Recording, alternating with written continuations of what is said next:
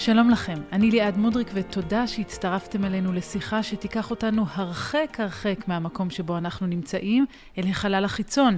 איתנו שיראל, מהנדסת מערכות לוויין, ותום, מהנדס חלל ממפעל חלל בחטיבת מערכות טילים וחלל של התעשייה האווירית. שלום לכם. שלום רב. אהלן.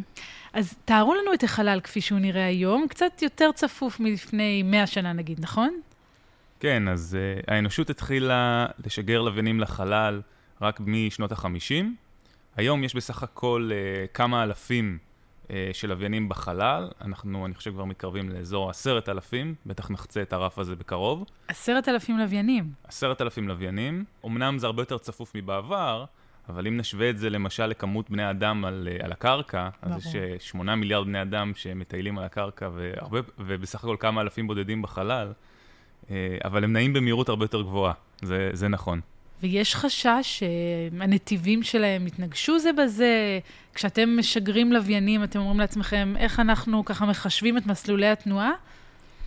אמ, אז יש נתיבים שהם יותר צפופים מאחרים, כי הם יותר מבוקשים מאחרים. יש להם אה, מאפיינים ספציפיים שיותר, אה, אה, שמדינות יותר רוצות, ולכן בנתיבים האלה באמת צריך לשמור על סלוטים מסוימים שלוויינים יישארו בנקודה שהם נמצאים ולא יברחו הצידה. רגע, את צריכה להסביר, כי אני יודעת מה גורם לנגיד נתיב תחבורה להיות יותר מבוקש, אם מגיעים יותר בקלות למקומות מרכזיים נניח, אה, אז מה נתיבי איילון בחלל? זאת אומרת, מה הנתיבים הכי מבוקשים, מה הופך אותם למבוקשים, על מה שהם אה, מציצים?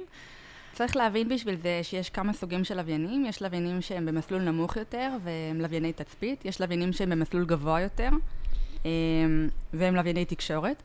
לווייני תקשורת ספציפיים נמצאים במסלול מאוד ייחודי, בגובה מסוים, זה חגורה מסוימת שאין שם מקום לשים אין סוף לוויינים. זה המסלול הכי מבוקש, ובעצם אה, צריך ממש אה, לקנות רישיון ו- ולקבל רישיון בשביל להציב לוויין בחגורה הזאת. ואם אנחנו כבר מדברים על נתיבים וחישובי מסלולים, אז לא תמיד צריך ללכת עם כיוון כדור הארץ, נכון? אנחנו אוהבים ללכת הפוך פה בישראל.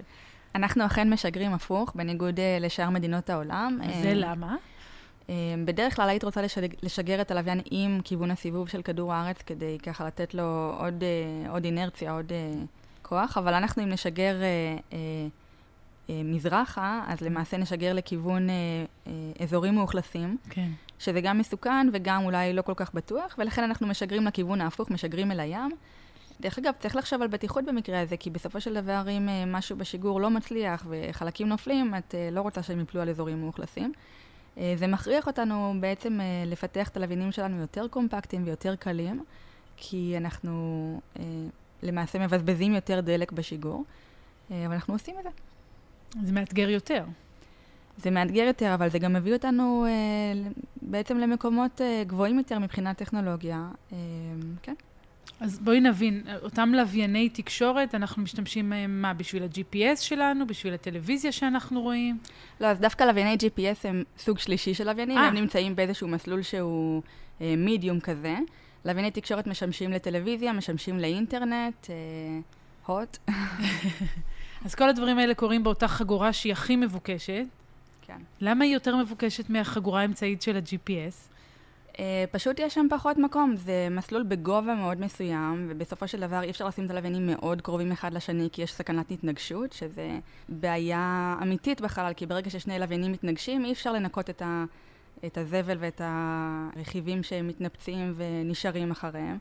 אז uh, צריך לדאוג שכל אחד יהיה בנקודה שלו ולא לא יזוז. אני רוצה רק uh, להוסיף, לווייני תקשורת, מאוד חשוב לנו, למשל, כשאנחנו רואים את הטלוויזיה שלנו, אז אנחנו רוצים כל הזמן להיות מסוגלים לראות את הטלוויזיה שלנו. בשביל זה צריך לשים אותם בגובה, את הלוויינים בגובה, בנקודה בשמיים, שבה באופן יחסי הם נראים לנו עומדים. לא עוברים מעלינו כמו איזה מטוס שחולף מעל, מעלינו, אלא נראים uh, נייחים. וזה קורה רק בגובה של 36 אלף קילומטר בערך. אז יש גובה מאוד ספציפי שבו חייבים לשים את כל, הלו... כל לווייני התקשורת כדי שהם יראו לנו נייחים ושנוכל ליהנות מכל השירותי תקשורת שלנו, אינטרנט, טלוויזיה, כל הזמן באופן רציף. אני מנסה להבין מה זה אומר שיראו לנו נייחים, זאת אומרת שהסיבוב שלהם תואם את הסיבוב של כדור הארץ, אז הם תמיד מעלינו? ממש כך, בעצם זה אומר שזמן ההקפה של כדור הארץ סביב עצמו, אנחנו עכשיו על הקרקע משלימים הקפה אחת ליממה, כן. אחת ל-24 שעות. ובעצם, בשביל שלוויין יעשה את זה, צריך לשים אותו בגובה של 36 אלף קילומטר, ואז גם הוא משלים הקפה אחת ליממה, ולכן באופן יחסי הוא נראה לנו סטטי, נייח לעומתנו. זו תכונה שהיא קריטית ללוויני תקשורת. אז קודם כל זה מרתק, ואני תוהה, GPS, לוויני ה-GPS לא צריכים לראות לנו נייחים? אז זהו, אז יש uh, חלופה אחרת. אפשר במקום לשים לוויין אחד נייח, לשים הרבה מאוד לוויינים. Mm. כל פעם מישהו נכנס לשדה הראייה ומישהו אחר יוצא. אז הגישה של לווייני GPS, או לחילופין משהו שהוא טרנד היום, אה, משהו הרבה יותר טרנדי היום, שזה לווייני תקשורת קטנים בגובה נמוך, פשוט משגרים הרבה הרבה יותר מהם, ואז הם, אה, כל פעם אחד אה, יוצא, אבל גם אחד אחר נכנס, וככה יש רציפות. הרבה חברות עכשיו, SpaceX וגם אמזון מדברת על זה, יש לה פרויקטים בכיוון הזה. בונות כאלה, אנחנו קוראים לזה קונסטלציות, מערכים של לוויינים קטנים, לווייני תקשורת קטנים וזולים, בגובה נמוך, ומשגרים הרבה מהם. אז כל פעם יש מישהו זמין בכל נקודה בכדור הארץ. אגב, כשאתה אומר זולים, על איזה סדר גודל אנחנו מדברים? זולים ביחס ללוויין תקשורת מסורתי. אז בוא נגיד שלוויין תקשורת מסורתי הוא בסדר גודל של מאות מיליוני דולרים. אוקיי. Okay. והלוויינים הקטנים, באידיאל, יכולים לעלות גם מיליוני דולרים בודדים. כלומר, בקטנה, אתה אומר. כן. אה, שוב, צריך, אה, ביחס לכמות המשתמשים שלהם אה, והרווח שהחברות האלה מצפות, אז זה משתלם להם, הם עשו את החשבון, אני בטוח. והזכרתם קודם, או את הזכרת, שיראל, נקודה שנשמעה לי קצת כואבת, וזה הפסולת בחלל. כמה כל ההרפתקאות האלה מזהמות את החלל החיצון? האמת שזה נושא שהוא עכשיו ב... הוא בדיון ככה עולמי, זה לא שיש מסקנות ברורות, חד משמעיות, עד כמה... עד כמה החלל מזוהם, אבל אין ספק שזה משפיע עלינו מבחינת uh, תפעול יומיומי. קודם כל ברמה של uh, צריך לדאוג שלא יהיו התנגשויות בין לוויינים, uh, והמשמעות היא שפשוט עוקבים אחרי הלוויינים שנמצאים בחלל כל הזמן. אחרי כל אחד ואחד מהגופים האלה יש ממש uh, גוף אמריקאי בשם ג'ייספוק, שאחראי או, או לקח על עצמו את המשימה לעקוב אחרי כל הגופים האלה ולבדוק מה המסלולים שלהם והאם מישהו הולך להתנגש במישהו.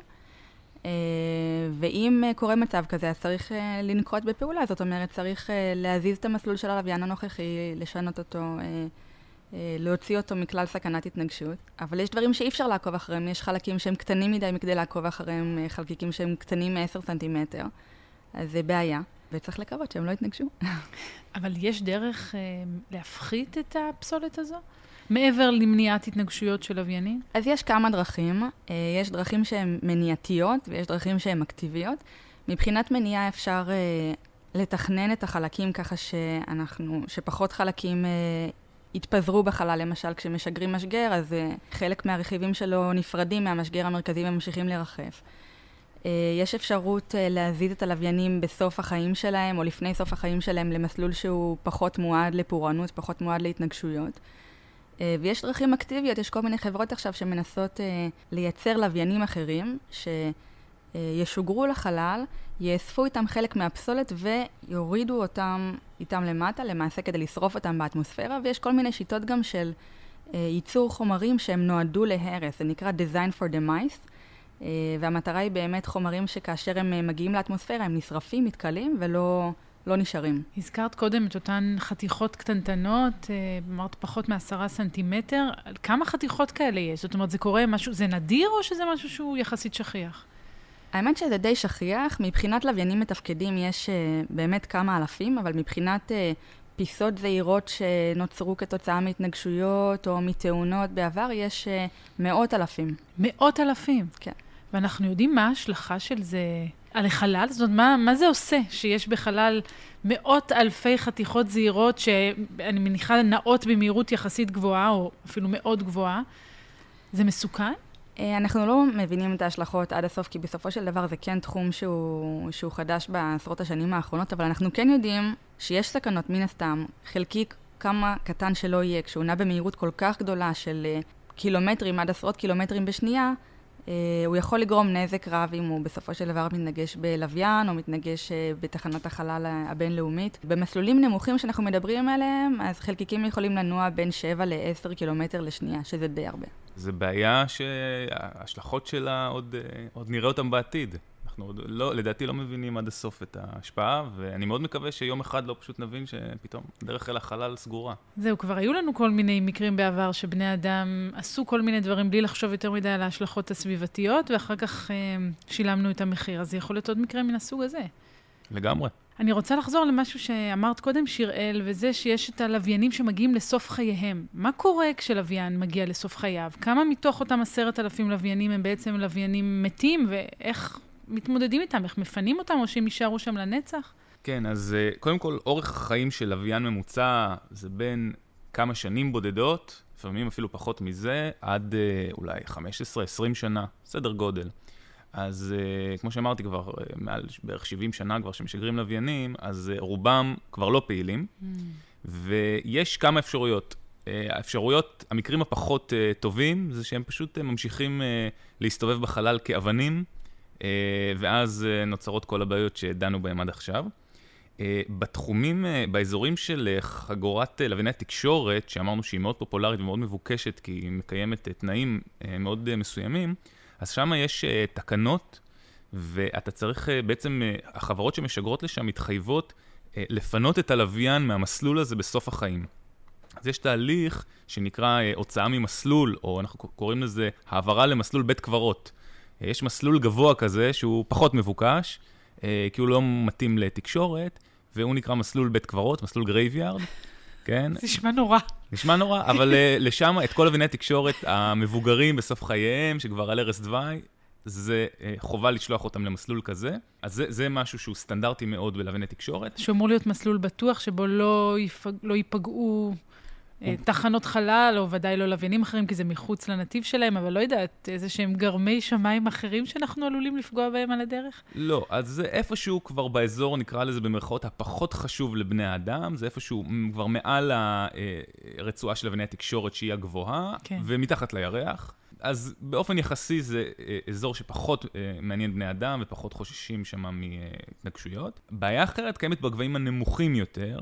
אה, ששוב, שם אה, אין תקנות כאלה, אין כללים כאלה, אבל כן בגלל השיח והדיונים שיש בנושא הזה של אה, זבל חללי והרצון בעצם להימנע מה, מה, מהמקרה הלא נעים הזה, שפשוט יום אחד לא נוכל לשגר בגלל העומס שיהיה, אז אחד הדברים שאפשר, שאפשר לעשות ומתחילים לעשות זה בעצם לקראת סוף החיים של הלוויינים בגובה נמוך, פשוט לעשות להם הורדה ממסלול, ככה לבלום להם קצת את המהירות.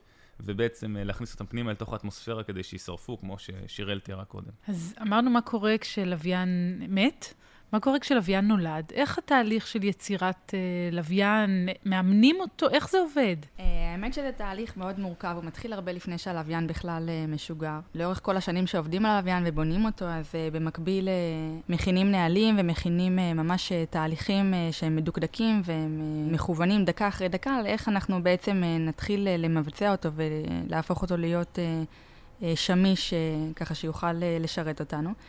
אה, ומרגע השיגור בעצם הוא, הוא קצת כמו תינוק, הוא עדיין לא מסוגל לעשות את כל הדברים שהוא אמור לעשות, יש לו רכיבים שהם עדיין מקופלים וצריך לפרוס אותם בזהירות, אחד אחרי השני, אה, ועושים את זה בתהליך אה, שנקרא IoT, In-Orbit Tests. אבל רגע, למה אחד אחרי השני? אנחנו לא עושים שום דבר מהר מדי בחלל, אנחנו רוצים לבדוק שכל דבר הצליח לפני שאנחנו עוברים לשלב הבא.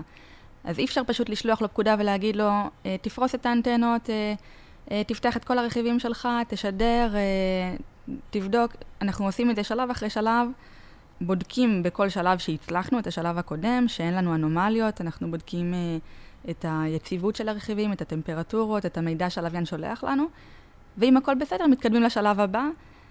ויש פעמים שלא הכל בסדר, ואז צריך לחשוב מה לעשות, אולי לסטות מהמסלול שהתווינו לעצמנו מראש. כי מה? איך זה יעזור?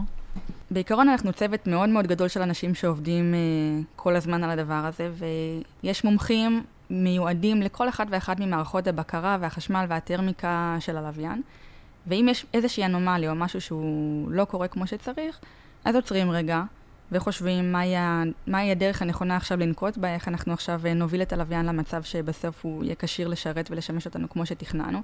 לא תמיד זה קורה בדיוק כמו שתכננו, אבל בסוף מגיעים לשם. זה אגב משהו שאפשר לעשות לו חזרה יבשה בארץ? כלומר, לראות שהוא שולח, את ה...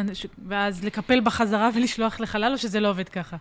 לקפל ולשלוח לחלל אי אפשר, אבל חזרות יבשות בטח שאפשר, ואנחנו עושים את זה כל הזמן. כשהלוויין על הקרקע אנחנו בודקים אותו, אנחנו, אנחנו למעשה עושים המון המון תרגולות והמון חזרות יבשות, עד שאנחנו מאוד מרוצים מהתוצאה, אנחנו בודקים את זה אין סוף פעמים, אבל יש דברים לא צפויים בחלל, חלקם נובעים מתהליך השיגור, שהוא תהליך אה, קשוח. ובסוף אה, אנחנו משגרים לוויין, אנחנו מרעידים אותו, אנחנו מרעישים לו, ודברים יכולים לקרות בתהליך הזה. יודעת, בסוף אנחנו משגרים טיל על הרבה מאוד דלק, מפוצצים אותו, משלחים אותו מאוד רחוק. לא הכל מגיע תקין לנקודה האחרית שאנחנו רוצים להיות בה.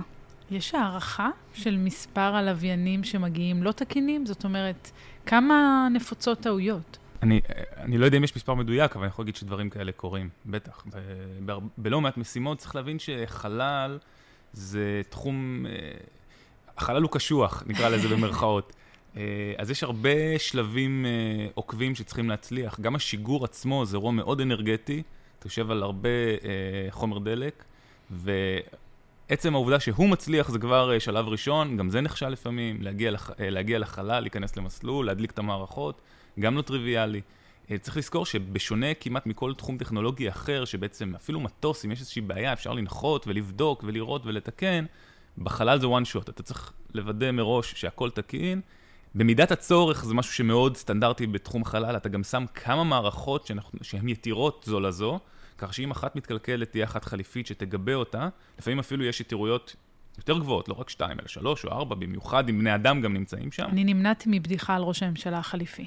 כן, אז בתחום החלל כבר עלו על זה הרבה קודם, ושם בדרך כלל מקווים שהרוטציה לא תקרה. פה, מה שאני מתכוון לומר זה שיש בהחלט אה, לפעמים אה, משגרים עם אה, גיבויים נכבדים, ומעולם לא משתמשים בהם. והרבה פעמים קורה שכבר ביום הראשון אתה צריך להשתמש בהם, וכמובן כל מה שבאמצע. אני רוצה להוסיף לנושא הזה, שלוויינים הם כמו, הם קודם כל כמו כל מוצר אחר, זאת אומרת, יש נכון, יש את הלידה הפיזית שלהם, השיגור, הכניסה למסלול, אבל עוד הרבה קודם לכן, הם בעצם באים לתת אה, מענה לאיזשהו צורך. כן. אז אה, אולי לווייני תקשורת, זו דוגמה מובנת מאליה, אוקיי, אנחנו כולנו רוצים אינטרנט וטלוויזיה. אה, לווייני צילום, יש להם הרבה שימושים, משימושים ביטחוניים, אבל גם שימושים חקלאיים, אה, ומה, וניטור של מזג אוויר, והתחממות גלובלית וכן הלאה. אה, אחד, אני חושב, התחומים היותר מרגשים שהם לא בהכרח באים לתת אה, מענה לצורך כלכלי, אלא לצורך אה, אה, מדעי או מחקרי, זה כל הנושא של אה, חקר, תחום של חקר החלל. לוויינים, חלליות, שבעצם אה, עוזבות את כדור הארץ בדרך כלל, מגיעות לגרמי שמיים אחרים, בין אם זה הירח שהוא בשכונה, בין אם זה מאדים, ונוס, אפילו כאלה שיוצאים ממערכת השמש.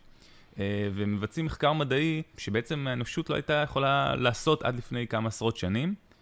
ואני חושב שזה תחום מאוד מרגש, שגם uh, בשנים האחרונות uh, הולך ונעשה יותר נגיש לגופים פרטיים, שונה מבעבר שהיה בידיים של מדינות, מעצמות יותר נכון אפילו לומר. אז היום גם מדינות קטנות יותר, כמו ישראל, וגם גופים פרטיים, יכולים להשתלב בתח... בתחום הזה והוא אה, לא פחות מרגש ולא פחות מתפתח מכל הנושא של לוויינות קלאסית, של תקשורת וצילום. שאלת על כשלים בחלל, אה, וזה קורה באמת לכולם, אז אולי את המספר המדויק באמת מאוד קשה להגיד, אבל אה, זה קורה גם לטובים ביותר. אז אחד מהסיפורים הכי מפורסמים זה על טלסקופ החלל האבל, שעבדו עליו המון שנים. הוא חרג מהתקציב והוא חרג מהלו"ז, והאמריקאים השקיעו בו ים של משאבים וים של כסף, ושיגרו אותו לחלל, והתחילו לצלם איתו, וגילו שהתמונות לא ממוקדות. לא ממוקדות ברמה כזאת שאי אפשר להשתמש בהן אחרי כל ההשקעה והתקציב וכל הכסף שהושקע. אה, והם לא ויתרו, למרות שזה היה כישלון באמת אה, גם חרוץ וגם כואב. אה, הם חקרו את התקלה, הם הגיעו למסקנה שהתקלה קרתה עוד על הקרקע, וזה קורה, זה קורה לפעמים שיש כשלים בתכנון ומראש מנסים לחשוב על כל פרט ולתכנן ולחשב הכל ומפספסים משהו. באמת הם פספסו איזשהו משהו בחישוב של המיקוד של המראות. והם לא ויתרו, והם ייצרו סט נוסף של אה, מראות שאמורות לתקן את העיוות הזה. שלחו אסטרונאוטים לחלל, שממש טיפסו על הטלסקופ מבחוץ. לקחו את כל הרכיבים האלה, התקינו עליו ותיקנו אותו כדי שהוא יוכל אה, למעשה לפעול. היום הוא נותן תמונות מדהימות, במשך כבר uh, עשרות שנים הוא באמת uh, אחד הטלסקופים הכי מפורסמים, אבל זה גם קרה וזה לקח המון זמן. חתיכת סיפור. זה באמת uh, נראה לי תחום עיסוק של ריצה לטווח ארוך מאוד. ועם איזה מתח כזה לקראת הסוף, של האם כל התהליך הזה יוביל את, אתכם לקו הסיום. תארו לנו קצת מבחינה אפילו אישית, מה עובר עליכם בתהליך הזה? איך זה מרגיש? אה, אז קודם כל זה מאוד נכון שבדרך כלל התהליך של אה, תכנון, בנייה, שיגור של לוויין, זה תהליך ארוך מאוד, שנים, לפעמים גם, לפעמים אפילו מעל עשור. אה, ואני חושב שזה, לא, דרך אגב, לא תמיד הצוות שמתחיל הוא גם הצוות שמסיים, מכיוון שזה תהליך כל כך מתמשך. אה, וזה סוג של, פרויק, יכול להיות פרויקט חיים כזה, זה כן. כמו לגדל ילד, אני לא יודע, אתה מלווה אותו בכל שלבי החיים, מהתכנון הראשוני, הבנייה, הבדיקות, השיגור, הפעילות בחלל. אה, אני חושב שמי שהיה בשיגור, יצא לי להיות בכמה, אה, יודע כמה זו חוויה מאוד מרגשת וגם אה, דרמטית כזאת, באמת. יש אפקט וואו כזה מאוד גדול לכל מי שהיה בשיגור, בטח כשזה משהו, ש... זה איזשהו לוויין או פרויקט שאתה חלק ממנו. אז רובנו ראינו את זה רק בסרטים, אבל אתם שהייתם ברגעים האקסטטיים האלה, זה עם השנים או עם הניסיון, כשהייתם כבר בעוד שיגור ועוד שיגור, זה נהיה פחות מרגש, או שזה בכל פעם ככה מעלה את האדרנלין גבוה גבוה? זה כל פעם מרגש מחדש, אה, זה גם מלחיץ. בסופו של דבר אתה עובד על משהו המון המון זמן, אתה גם מתכונן אליו. אתה, אתה יודע מה אתה הולך לעשות ברגע שהלוויין ישוגר, ואיך הולך להיראות כל יום ויום מהחודשים הקרובים. ואתה לא יודע אם זה יצליח, ואולי פתאום כל התוכניות ישתנו לחלוטין, וכל מה שעבדת עליו לחלוטין ישתנה. בסוף אתה משקיע המון המון זמן, וגם אנרגיות, ו- ומאמצים אישיים, ורצון להצלחה, ו- וכן, זה מרגש מאוד. ויש ו... הרבה על כף המאזניים, הרבה כסף, הרבה מאמץ, הרבה... האמת שבתוך הצוותים ההנדסיים אני אישית פחות חושבת על הכסף, אני, זאת אומרת, זה מוצר שהוא יקר מאוד, ואתה מודע לחשיבות שלו מבחינה, מבחינת החברה, מבחינת הכסף, מבחינת המדינה, מבחינת הכל. אה, אבל כשאתה בתוך הצוות ההנדסי, אני חושבת, אתה בעיקר, אה, אני לפחות בעיקר אה, מתרכזת ב, בעבודה ההנדסית ובהצלחה ההנדסית ובאיך לגרום לזה לקרות. הזכרתם קודם את הכניסה של חברות פרטיות לתוך מגרש המשחקים ההזוי הזה בחלל. זה לא בעייתי גם? זאת אומרת, זה לא מכניס עכשיו פתאום אינטרסים עסקיים ואולי פחות הקפדה על הכללים, כי יש פחות מחויבות לכל מיני אמנות שנחתמו, אני מתארת לעצמי, בין מדינות. תחום חלל עובר איזשהו שינוי ב-10-15 שנה האחרונות, שבאמת גופים פרטיים נהיים הרבה יותר דומיננטיים בהנדסה ובפיתוח של טילים, של אה, לוויינים, ובעצם המדינות לוקחות צעד אחורה, והן הופכות להיות הרגולטורים של התחום. אז הן נותנות uh, את התקנות, את המעטפת שבהם אפשר, שבהם צריך לפעול, אלה כללי המשחק, דומה לתחומים אחרים בכלכלה המודרנית. והחברות הפרטיות משחקות בתוך הגבולות האלה שהמדינות שמות להן. אני חושב שבתחום החלל ספציפית יכול לקרות משהו מעניין וייחודי, אה, וזה שלדוגמה אה, חברה פרטית כמו SpaceX, ששמה לעצמה ליעד אה, כבר בעשור הקרוב הנוכחי, אפילו פחות מעשור, להגיע למאדים, אפילו להנחית אדם על מאדים. אם מריצים ככה את הסרט הזה כמה עשורים קדימה, ולצורך העניין תהיה מושבה, איזו עיר קטנה, של SpaceX, של חברה פרטית, כן, שמנהל אותה מנכ"ל, אה, אז אפשר לשאול לאיזה חוקים ואיזה תקנות היא כפופה, מי קובע? אה, מנכ"ל SpaceX יקבע מה, למי מחלקים דוח חנייה ו, ומה גובה הארנונה, וגם איך, איך שומרים על מאדים, אוקיי? האם מנצלים את המשאבים שם לצרכים עסקיים, או שומרים על, ה, על הטבע, כן, במרכאות. אז זו שאלה מעניינת, אה, שיהיה מאוד אה, מעניין לראות איך, איך הדבר הזה יתפתח בעתיד. אז זהו, אנחנו ממש בסוף התוכנית. עד כמה זה קרוב, הפנטזיה הזאת של יישוב וחלל, מושבות? אה... אני אישית מאמין שבעשור הקרוב אנחנו נראה כבר אה, משימה מאוישת למאדים. אה, ואם לא בעשור הזה, אז בוודאי בעשור הבא.